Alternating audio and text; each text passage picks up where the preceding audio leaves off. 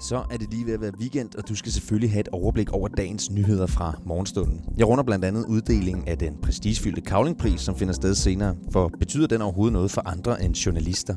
Derudover så kan du stille vores statsminister spørgsmål på Facebook i dag. Det skal jeg nok uddybe. Det er fredag den 3. januar. Mit navn er Joachim Neshave. Jeg begynder med svinekød og småkager her fra landet, som vi eksporterer til USA. Den del af forretningen kan nemlig blive hårdt ramt af en ny straftol fra amerikansk side, det vurderer Dansk Industri.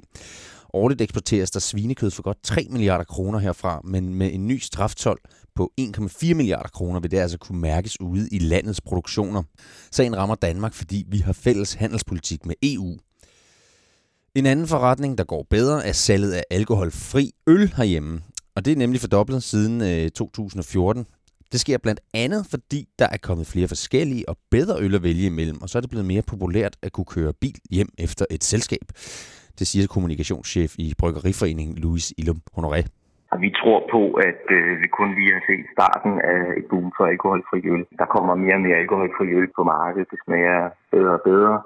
Når vi tænder ovnen, lyset, tv'et eller computeren derhjemme, så kommer mere og mere strøm faktisk fra vind- og solenergi. For første gang nogensinde kommer halvdelen af vores elforbrug faktisk fra vedvarende kilder. Og det er en stigning på over 40 procent fra året før, viser tallene fra Energinet. Har du planer om at rejse til østaten Palau på din næste ferie, så er det nok en god idé at sikre, at din solcreme er den rigtige. Som det første sted i verden indføres der nemlig totalt forbud mod brug af koralskadende solcreme. Og det er næsten alle cremer, det gælder, skriver DR. Og forbuddet her findes allerede i Mexico, men dog kun i små og mindre begrænsede områder. Og så til en fodboldklub, der ikke er til at bremse. Engelske Liverpool FC er nemlig på vej mod lidt af en sensation. Klubben har ikke tabt én eneste kamp siden 3. januar sidste år, og har nu fuld fart på mod at vinde Premier League for første gang i 30 år.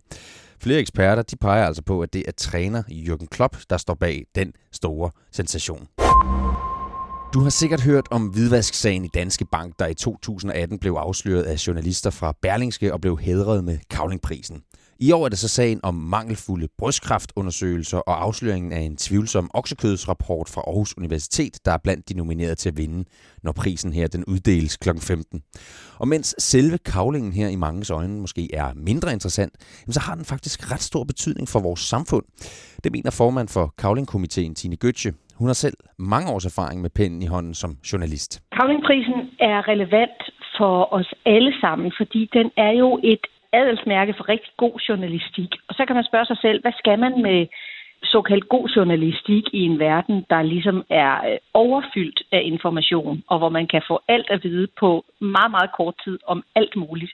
Men der står øh, for mig i hvert fald Kavlingprisen som et fyrtårn og et bevis på, at den grundige, savlige, også den langsomme journalistik stadigvæk findes. Altså at der stadigvæk er plads til, at man kan fordybe sig, at man kan gøre tingene grundigt og ordentligt, at man kan spørge øh, alle sider, at man kan afdække store, vanskelige problematikker, i stedet for de der meget øh, hurtige informationer, de hurtige overskrifter, og når man som komité sidder og skal vælge de her store journalistiske projekter ud blandt hinanden, jamen så kigger man på, om det er sager, afsløringer eller dokumentation, som du og jeg som læsere faktisk kan blive klogere af, siger Tine Gøtje. Jamen den særlige væsentlighed er jo, at de alle sammen er nogen, som giver indsigt i verden. De, giver, de afdækker og giver os indsigter, som vi ikke ville have fået uden de her projekter.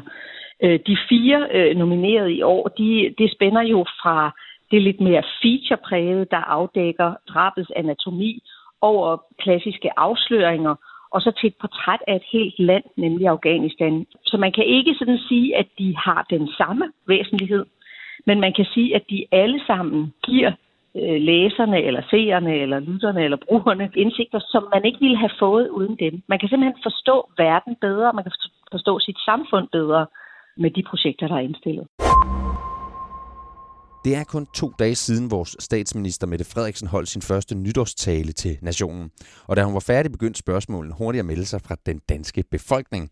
Klokken 11 i dag har hun så tænkt sig at svare på nogle af de her spørgsmål, og det kommer til at foregå gennem Facebook, hvor rigtig mange af os allerede har skrevet og spurgt om det, der undrer for uroliger eller bare gør os nysgerrige. Tidligere statsminister Lars Løkke Rasmussen, han var også flittig til at bruge sin Facebook til at give danskerne svar på lidt af hvert under sin tid som statsoverhoved. Og den tradition ser altså ud til at fortsætte nu. Og så er der ikke længe til, at vores herrelandshold i håndbold skal på banen og kæmpe for medaljer ved EM. Men øh, inden det, så skal de altså i aften kl. 18 i ilden mod vores norske rivaler. Det sker i opvarmningsturneringen Golden League. Den er med til at fastslå og tilpasse formen hos spillerne, inden det går løs for alvor. Vores herrehold er lige nu forsvarende verdensmestre, og derfor bliver det ekstra interessant, om de kan stå distancen mod Europas bedste hold, når EM begynder den 10. januar. Jeg runder af med vejret. Det bliver skyet og regnfuldt flere steder. Temperaturen den lægger sig mellem 4 og 8 grader, mens vinden den bliver jævn til hård i eftermiddag og aften. Mit navn er Joachim Neshave. God weekend.